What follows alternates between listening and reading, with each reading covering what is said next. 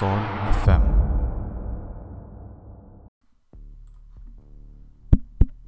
Taigi, sveiki, sveiki, vėl sugrįžtam, labas vakaras. Uh, nežinau, ar prisijungia tik dabar, ar prisijungia jau esat jau kokią gerą valandą, bet uh, kalbam apie Atlantidą. Čia dabar jau antroji dalis. Stengsiuosi toliau jūs įtikint, kad tai nėra mitas, bet yra uh, mitas paremtas kažkokiu, na, kažkokiu pagrindu, mitas su pagrindu. Ir taip, kai kurie klausytojai parašė savas įžvalgas. Vienas iš klausytojų paminėjo, kad vėlgi archeologija, archeologija ir apskritai istorija yra kintantis dalykas, kad mes, na, mes kuo daugiau, kuo daugiau kažkokių radinių atrandam, tuo labiau pakeičiam savo istoriją. Ir, ir aš visiškai sutinku iš tikrųjų su šio klausytojo nuomonė. Čia yra visiška teisybė. Kaip pavyzdys, net jau, jau gan kuris laikas jau atrasta šita šventykla, bet uh, jinai vis dar laikytina gan naujų radinių, tai Gobekli tepe. Uh, gal esat girdėję, čia nais uh, Turkijoje buvo rastas, rasta tokia kaip šventykla, buvo iš, iš ekskavuota, jinai tiksliau, ir jos amžius, na, yra 10 tūkstančių metų prieš Kristų, yra datuojamas kažkur, tai 12 tūkstančių metų, metų atgal nuo mūsų dabar pašnekėsiu. Tai ką tai keičia, tai yra iš esmės tai keičia žmonių, žmonių istoriją, iš esmės mūsų žmonijos istorija, nes kaip žinia, kaip žinia tuo, tuo laikotarpiu buvo įsivaizduojama, kad žmonės dar tik tais buvo pavieniai, pavienės gentys, gal sakykim, kurios paprasčiausiai medžiodavo, neburdavo jokios civilizacijos ar didesnės tautos ir bent jau tie 10 tūkstančių metų prieš Kristų istorijoje yra labai, labai vangiai žiūrimi, atrodo, lyg žmonės buvo labai primityvus dar tuo metu. O pasirodo tokie radiniai, tokie kaip Gobekli tepe Turkijoje vis uh, vis verčia susimastyti ir galbūt net ir perrašyti mūsų istoriją, kad vis dėlto gal modernus žmogus, modernus žmogus buvo kur kas, kur kas labiau pažengęs nei mes galvojam.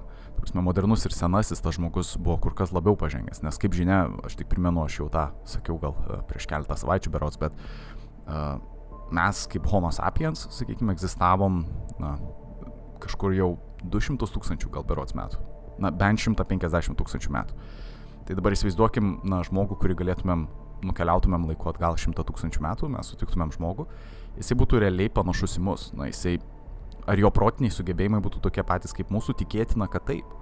Na, tiesą pasakius, jisai būtų tikriausiai toks kaip mes. Jisai, aišku, jisai neturėtų tokios pat iškalbos kaip mes, jisai neturė, nemokėtų galbūt naudotis mūsų, mūsų technologijom, bet e, jeigu mes grįžę laiku pagrobtumėm, sakykime, kūdikį, kuris gimė prieš šimtą tūkstančių metų, tikėtina, kad mes jį galėtumėm išauginti, na, išauginti būti to, mūsų civilizacijos, sakykime, dalimi.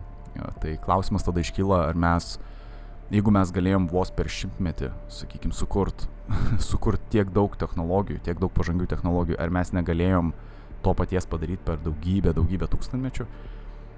Matot, iškyla tas klausimas, kad tikriausiai galėjom. Na, tas klausimas da, leidžia daryti apskritai tą tokią išvadą, kad uh, tikriausiai galėjom ir tikriausiai tokios civilizacijos egzistavo. Mes tik apie jas nežinom, mes jų dar neradom tiesiog nepakanka, ne, nepakanka įrodymų.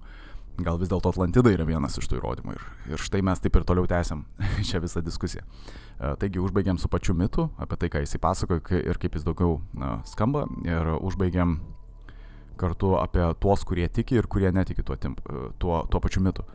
E, tai pradėsiu, vėlgi pratęsiu tiksliau, dėl su tais kurie tiki ir kurie netiki, tai kaip minėjau, vienas iš Platono mokinių, tai garsusis Aristotelis, jisai mane, kad čia, čia tai yra tiesiog Platono, viena iš Platono istorijų, sie, siekiančių pamokyti, pamokyti valstybės apskritai, kaip, na, tapti, tapti tobulomis, bet ne visiškai iki tiek, tiek tobulomis, kad taptų išpuikusiomis, sakykime, kurios dėl tos puikybės pradeda, pradeda kristi paprasčiausiai. Tuo tarpu Vienas filosofas, toks žinomasis antikinis filosofas Krantoras, jisai buvo vieno, vieno iš Platono mokinių mokinys. Tai čia būtų, Platonas turėjo nemažai mokinių, vienas iš tų mokinių buvo Xenokratas. Ir Xenokratas irgi taip pat turėjo vėliau savo gyvenime mokinių, vienas iš jų buvo Krantoras. Ir Krantoras mane, kad Platono istorija yra tiesa. Dabar, kodėl jisai taip galvoja, yra įdomi iš, iš tikrųjų idėja ir aš gal net ir pritarčiau Krantorui, nes, matot, Platonas rašydamas savo dialogus apie, apie Atlantidą, jisai juose rašo, kad jis vis tiek kažkuom remiasi ir jisai kuom, kuom rėmėsi, tai yra uh, Solono kelionėm. Uh, Solono kelionės, tai ką aš turiu omeny, tai Solonas buvo apskritai uh, antikinis, antikinis kaip ir poetas, gal taip sakykime, jisai gyveno apie 6 amžiuje prieš Kristų, jisai buvo žinomas, jisai žinomas buvo Platonui, nors ir Platonas negyveno jo amžiuje, Platonas buvo 4 amžiaus prieš Kristų filosofas, tuo tarpu e, mano minėtasis Solonas, kuriuom jis remiasi, jisai gyveno prieš apie 2 amžius prieš jį. Tai jisai gyveno 6 amžiuje prieš Kristų, kaip ir minėjau, jisai buvo garsus, gal sakyčiau, jų laikų poetas. Ir jisai vienu momentu buvo aplankęs Egiptą. Ir bent jau tie dialogai Platono mini, kad e, bent jau jie yra paremti Solono, Solono liudijimais iš to, ką jisai matė Egipte. Tai Solonas nuvykęs į Egiptą, jisai, jisai na, žvalgėsi per tuos, sakykime, hieroglifus ir panašiai. Ir jisai tam tikrus hieroglifus išvertęs uh, rado, uh, ta prasme, istoriją apie Atlantidą. Tai tuom remiasi realiai Platonas. Platonas bando pasakyti, kad tai nėra jo paties istorija sugalvota, bet tai yra istorija, kuri buvo ištraukta ištraukta iš, na, egiptiečių lūpų realiai. Kad ta, ta, taip yra bandoma, na, pagrysti tą visą mitą. E, vėlgi tai yra įdomus dalykas. Vasme, aš šito pats, e, vėlgi kol aš ne, ne, nepradėjau domėtis, aš šito nežinau, bet pasirodo, kad, na, galimai, galimai apie Atlantidą buvo sužinota Egipte apskritai, kad tai nėra tiesiog e, Platono istorija, kad galimai tai buvo istorija, kuri, na, yra paskolinta egiptiečių. Dabar ar, ar yra įmanoma tą atrasti, sakykime, Egipte? Tokios konkrečiai kaip ir Atlantidos istorijos Egipte, būtent taip aprašytos, kaip, kaip ją aprašo Platonas, na, mes iki šiol neradom. Bet vėlgi, kaip žinia, Egipte, Egipte visko galėjo atsitikti, buvo daugybė vagysčių griučių, arabų polimai, daugybė karų, ta prasme, patyrė valstybė. Todėl iki Platono, e, iki Platono kalbamo Solono kelionių, galimai galimai galėjo būti daugiau informacijos apie, apie patį mitą, apie pačią Atlantidos istoriją, apie kurią mes daugiau nebežinom, nes, na, paprasčiausiai tą informaciją galėjo sunaikinti atvykę įvairūs vagys, kaip pavyzdys ir panašiai. Suprantat, sunaikinti, vismės sudaužyti paprasčiausiai akmenį ir, ir panašiai užplėšikam nėra sunku. Ir kaip žinia, pats kraštas, pats Egiptas, ta prasme, patyrė daugybę tokių, na, konfliktų ir įvykių. A, pastebėjau, kad mums galimai skambina, luktelkit. Tuoj. Bandysiu atsiliepti. Na, sugrįžtu dar kartą, eh, žmonės nepatikėsit, bet buvo nutrūkęs apskritai ryšys, gavau skambutį, kad eh, Klaipėda tikėtina, kad negirdėjo mūsų, aš nežinau, kiek čia tos teisybės yra, bet čia gan juokinga, turėjom tik tokį kaip ir viešą pokalbį staiga su žmonėm, jie vis dėlto šiuo numeriu paskambino, tu prasme, mum įranga, sakykime, mūsų įrangą prie, prižiūrintis, sakykime, žmonės, tai jie, e, jie informavo, kad vis dėlto Klaipėdai buvo dingęs ryšys, čia gan keista, e, gan įprasta. Iš tikrųjų, gan ir bauginga, čia kalbam apie Atlantidas, apie visokias samokslo teorijas ir staiga dingo ryšys. Žinau, keista. Tai tikėtina, nežinau, arba jūs girdėjote ar pokalbį, ar gal girdėjote trukčiojimą, ar iš vis nutrūko ryšys, bet uh, tikėtina, kad dabar viskas, viskas sugrįžo į savas vežes, tai tiesiog pabandysiu pratest, uh, tikiuosi, kad labai daug uh, labai daug e, informacijos nebuvo prarasta per tą visą nutrukimą. Sakykim, iš ties keista, labai keista, sakyčiau. Vakaras atrodo toks gan ramus, nors ir lėtingas, bet e, kartais technika irgi apgauna kiekvieną iš mūsų. Uh, taigi, uh, tęsim toliau, kalbėjom apie Atlantidą, kaip ir minėjau, ir, na, vėlgi, kad labai paprastai viską sudėliot, tai uh, mūsų istorija vis gali keistis, uh, vis atsiradus naujam atradimam, tai kaip pavyzdys uh, Turkijoje, kaip ir minėjau, Gobekli Tepe yra viena iš šventyklų, kuri uh, yra 12 tūkstančių metų senumo, jinai, jinai galimai gali perrašyti mūsų visą civilizacijos judėjimą, kokią kryptį mes judėjom ir kada mes pradėjom, ta prasme, kurti tokius, tokius sakykime, architektūrinius, architektūrinius darinius, tokius kūrinius, statinius apskritai. Ir bent jau kaip pažvelgsime, kai kurie iš Platono mokinių, Platono mokinių mokinių, kaip pavyzdys Krantoras, jie tikėjo, kad vis dėlto istorija buvo teisi, na, paremta kažkokiu faktu. Tuo tarpu dabar jeigu kalbėsim apie, apie Aristotelį, jisai niekada netikėjo, tu prasme, savo mokytojo istorijom. Bet uh, pati istorija, kaip ir minėjau, jinai, jinai remiasi, uh, jinai yra šiek tiek kitaip parašyta nei įprastai. Uh, ką Platonas bando pasakyti, kad jisai rėmėsi vis dėlto, kad pats Platonas rėmėsi kito, kito ta prasme, asmens pasakojimais, tai jisai rėmėsi Solono kelioniam. Solonas, kaip ir minėjau, yra antikinės Graikijos, e, buvo antikinės Graikijos e, kaip ir poetas, e, kuris šeštame amžiuje prieš Kristų egzistavo ir jisai tuo momentu, jisai dažnai keliaudavo, jisai keliavo, buvo nukeliavęs į Egiptą ir jisai būtent papasakojo, bent jau tas Solonas pasakojo istoriją apie Atlantidą, kurią jisai išgirdo Egipte ir jisai ją pats išvertė iš egiptiečių hieroglifų. Dabar yra klausimas, ta prasme, kiek tos teisybės yra, nes vėlgi matot apie Atlantidą būtent taip nėra parašyta ant, ant Egipto sienų, gal sakykim, bet e, viena iš teorijų, sakykim, samokslininko teorijų yra tai, kad paprasčiausiai ta istorija, kuri egzistavo Egipte, e, jinai buvo arba prastai išversta, arba kitaip, kitaip, kitaip suvokta, suprasta galbūt Platono arba Krantoro, arba galų gale da, gal ir pats Solonas apsilankęs Egipte, jisai netaip suprato pačią istoriją, arba kas dar labiau gali, baugiau, kas galėjo įvykti, tai paprasčiausiai konflikto metu buvo sugriautos e, tam tikros šventyklos ir sienos, kurios būtent ir pasakojo apie, apie Atlantidą. E, todėl būtent Egipte apie Atlantidą mes nelabai ką žinom. Tačiau viena istorija, viena istorija priliečia tą temą kur kas artimiau, gal sakykim, kur kas e, priliečia galbūt temą, kuri yra susijusi su vandeniu ir net pažintai žmonėm, gal taip sakykim. Matot, Egipte apskritai kaip čia pasakius, na, kiekviena civilizacija turi, net nepasakyčiau, kad kiekviena, bet daugybė civilizacijų turi savus mitus apie dingusias civilizacijas, apie net pažintų žmonės ir panašiai. Mes turim, kaip pavyzdys, Eldoradą Amerikose. Jisai galėjo būti belė kur Amerikose, dėl to ir sakau, kad jis galėjo tiek būti Amerikose, nes galėjo būti Šiaurės ar Pietų Amerikos žemynuose. Niekas nežino, ar jis egzistavo apskritai, Eldoradas galbūt net nebuvo miestas, o buvo tiesiog, na, uh, vaizdinys, reiškinys auksinio žmogaus ar panašiai, nes Eldorado reiškia auksinis žmogus.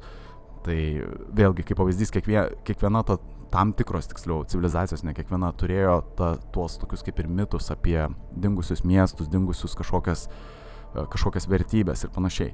Mes turim, turėjom Libertaliją, tai yra piratų tą miestą, kuris galimai galbūt kažkada egzistavo Madagaskarė, irgi legendinis miestas. Mes turim Ubarą, Saudo Arabijoje, Jemene arba Omane galbūt egzistavus egzistavus tokia kaip ir karalystė dykumos ar kažkas panašaus. Mes turim Troją, Homero legendinio dviejų, dviejų dalių epo, sakykime, miestas. Ir su Troja galim sustoti, nes mes žinom, kad Troją mes radom. Tiksliau ne mes, o, o mūsų, mūsų žinomi verslininkas Heinrichas Šlymanas ir, ir archeologas Frankas Kalvertas. Jie pasistengė ir jie galų galę surado Troją. Todėl vis dėlto matot, nors su laiku mes sugebam atrasti, ta prasme, ir tuos netrandamus galbūt dalykus, arba bent jau kaip minimum mes sugebam surasti dalykus, kurie pavertė, na, pavertė tą istoriją, sukūrė tą istoriją. Na, tai ką aš turiu omeny, tai kad egiptiečiai irgi turėjo kažkokią istoriją, tokią mislingą galbūt istoriją, kuri ir galbūt galėjo duoti to, na, duoti tą šaltinį uh, pačiam Solonui ir galų galiai ir pačiam Platonui sukurti tą visą istoriją Atlantidos. Uh, ką, ką aš noriu tom pasakyti, kad egiptiečiai kalba apie keistus žmonės, kuriuo, kurie puldinėjo aplinkinės, aplinkinės valstybės, įskaitant Egiptą, tai vyko apie 17 amžiui, 16-17 amžiui prieš Kristų. Tai čia yra labai seniai. Tiem, kas nežino, tai čia yra daugiau nei 3000 metų prieš mus. Ir bent jau pati istorija yra labai paprasta. Tie žmonės keliaudavo laivais, jie buvo jūrinė jūriniai žmonės, jie taip ir vadindavo juos jūriniai žmonės arba vandenų žmonės, kurie dažniausiai, na, atplaukdavo per upės šalia esančias, sakykime, Tigras, Eufratas, Nilas, uh, jie per valstybę, na, gre, gretimas valstybės keliaudavo, keliaudavo upėmis, jie, jie dažnai kovodavo, ta prasme, viduržėmio jūroje, įvairiose salose, sakykime, Graikijoje ir, ir panašiai. Ir ką bando egiptiečiai sakyti, kad ta istorija na, jinai yra archivuojama kaip tikras faktas, kad uh, iš esmės tai, tai buvo net pažinti žmonės iki šiol, buvo ne, neaiški jų, na, neaiškios jų gal pilietybės, na, niekas nežinojo jų tikslo, ta prasme, tų žmonių, jie tiesiog, na, įsivaizduokit kaip barbarai, ar ne, na, kažkas panašaus, bet jie buvo labiau organizuoti, jie atrodė lyg, na, jie buvo gerai aprūpinti, jie, jie žinojo, kaip kariauti, kaip pavyzdys, jie, jie irgi žinojo, kaip naudotis tam tikrais įrankiais ir įrenginiais, jie turėjo laivus, uh, Jie, jie dažnai plaukiodavo, jie, na, jie buvo ganėtinai modernus, ta prasme, egiptiečių standartų prasme. Tai egiptiečiai nekarta juos buvo sutikę ir jie, galima sakyti, taip ūkiškai tariant, užprotokolavo tą visą įvykį, tuos įvykius tiksliau, nes tai buvo pasikartojantis dalykas, tai jie užprotokolavo tuos įvykius, kaip juos užpuldavo žmonės iš vandenų. Jie paprasčiausiai plaukdavo po, po sakykime, viduržėmio jūrą ir, ir, ir besiribojančias valstybės užpuldavo paprasčiausiai ir vykdavo tie dažni karai.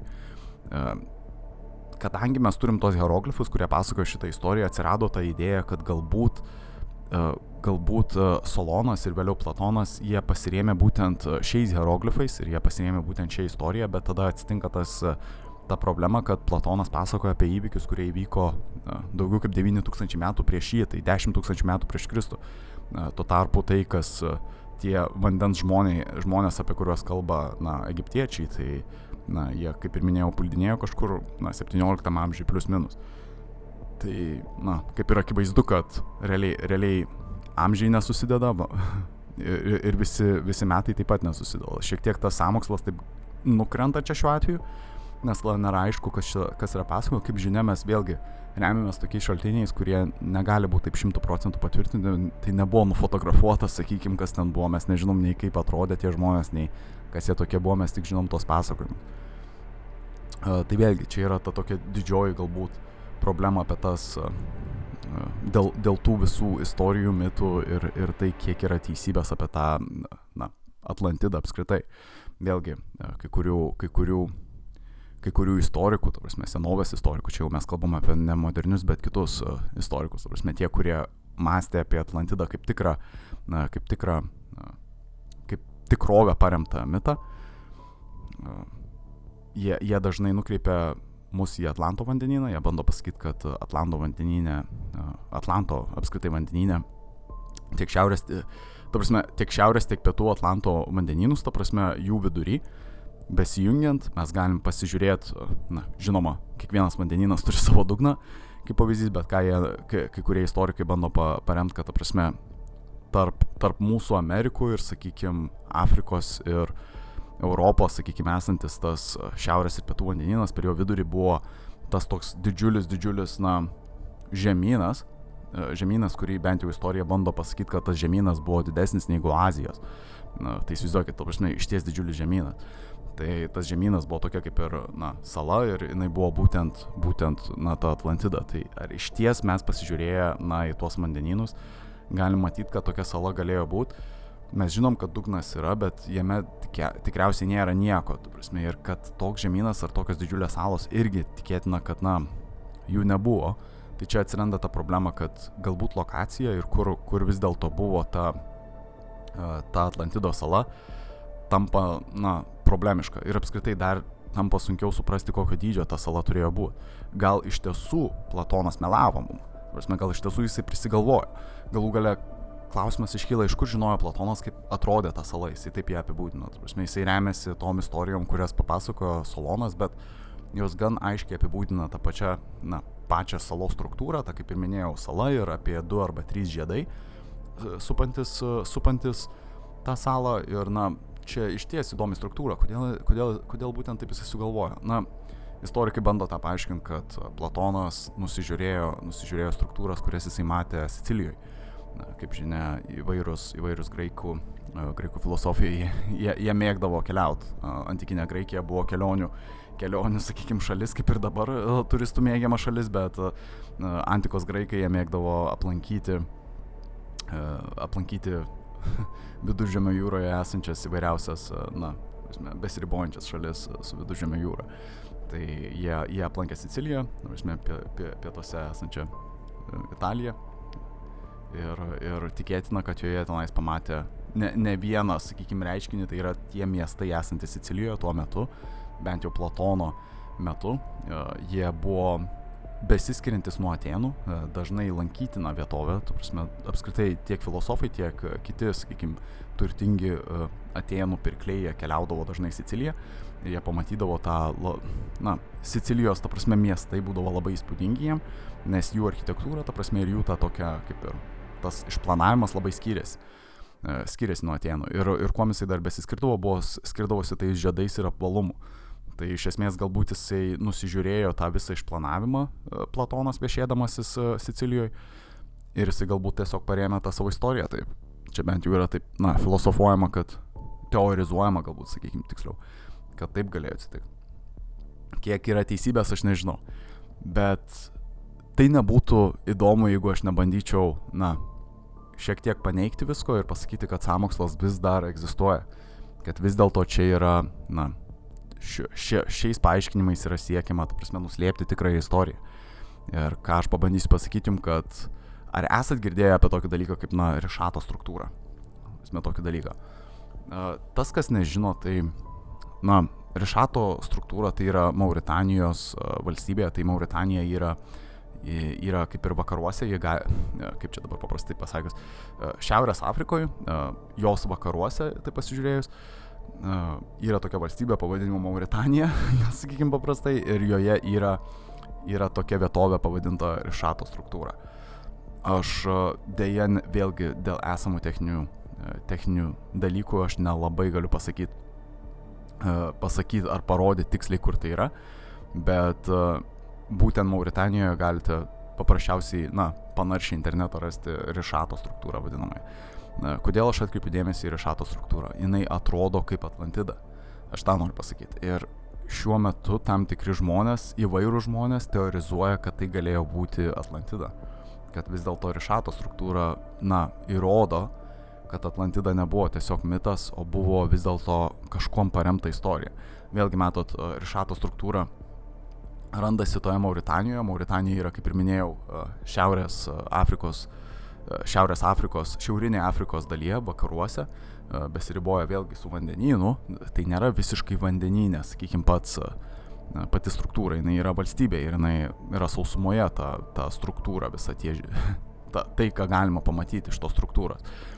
Bet ka, kas bandoma pasakyti visu tuo, kad Mauritanija galimai buvo po vandeniu tuo laikotarpiu, kai viskas na, galimai vyko pagal mitą. Tai jeigu mes tuom tikėsim ir, ir iš ties ta struktūra buvo panirus po vandeniu, tai jinai galėjo atrodyti taip, kaip pasakoja mitas. Tai rišato struktūra atrodo būtent taip, kaip ir įsivaizduoja tas mitas. Tai yra tie žiedai, supantis kažkokį centrą. Ir jeigu mes nuvyktumėme pačią struktūrą, jinai yra gan didžiulė, jinai aišku nėra Azijos, Azijos žemynų dydžio, kaip pasakoja Platonas, bet jinai yra ganėtinai didžiulė nu, joje galima įsivaizduoti, nu, ta prasme, jinai didelio miesto dydžio, gal galima taip sakyti. Ir jinai kaip ir, kaip ir yra pasakoma istorijoje, tai yra tiesiog miestas viduryje su žiedais. Ir, ir problema atsiranda dar viena, to prasme, čia gal jau, čia, čia vėlgi su mūsų suvokimu apie žmonijos istoriją galbūt atsiranda ta problema. Tai mums bandoma yra išaiškinti, uh, kaip čia, pasa, kaip čia pasakius, tu prasme, mums bandoma išaiškinti, kad žmonijos tikriausiai tuo momentu negalėjo būti tenais. Bet archeologai randa uh, akmens amžiaus tam tikrų radinių, uh, tai randa įvairius, įvairius įrankius, įvairias, na, su, savaime suprantama, tu prasme, išraižytus akmenis, kurie buvo tikėtina naudojami kaip, na, kokiem, kaip kokie nors na, plaktukai ar įrankiai kažkas panašaus, įsivaizduokim. Ir būtent toje struktūroje yra randami tokie radiniai, bet jie tikėtina, bent jau archeologai bando paaiškinti, kad jie nėra aukštos civilizacijos, sakykime, įrankiai.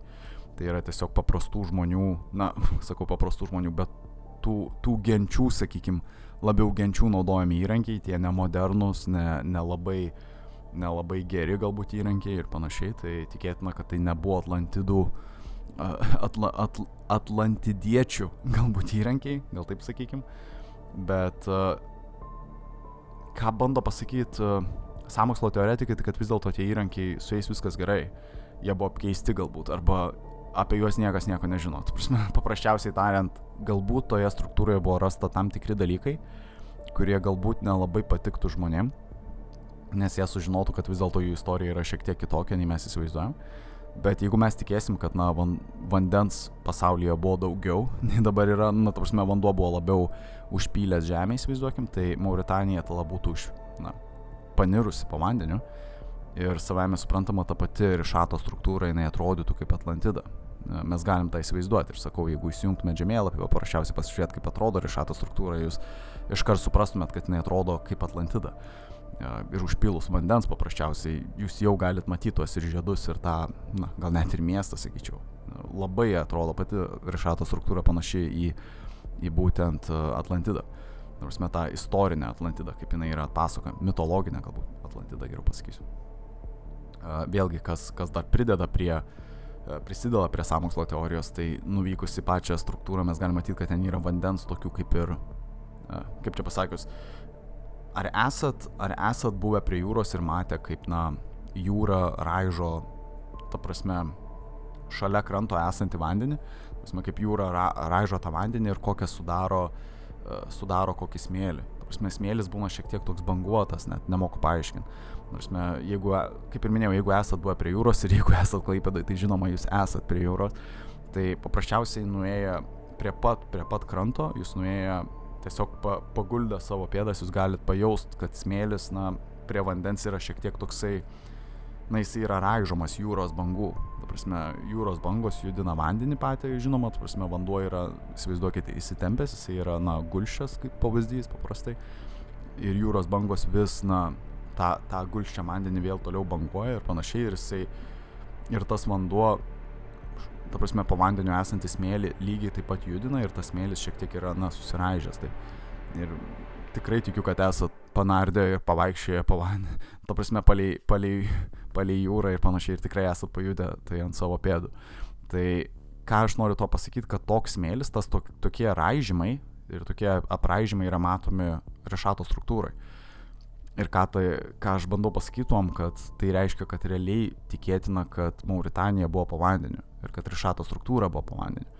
Ir jeigu tai yra tiesa, tai mes šiuo atveju turime Atlantidą, mes ją radom.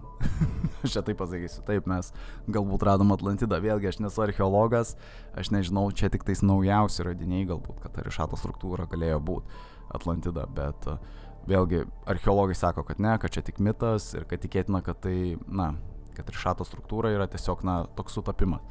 O visa kita yra tiesiog apsvarstymai ir, na, mėšlas, gal taip sakykime.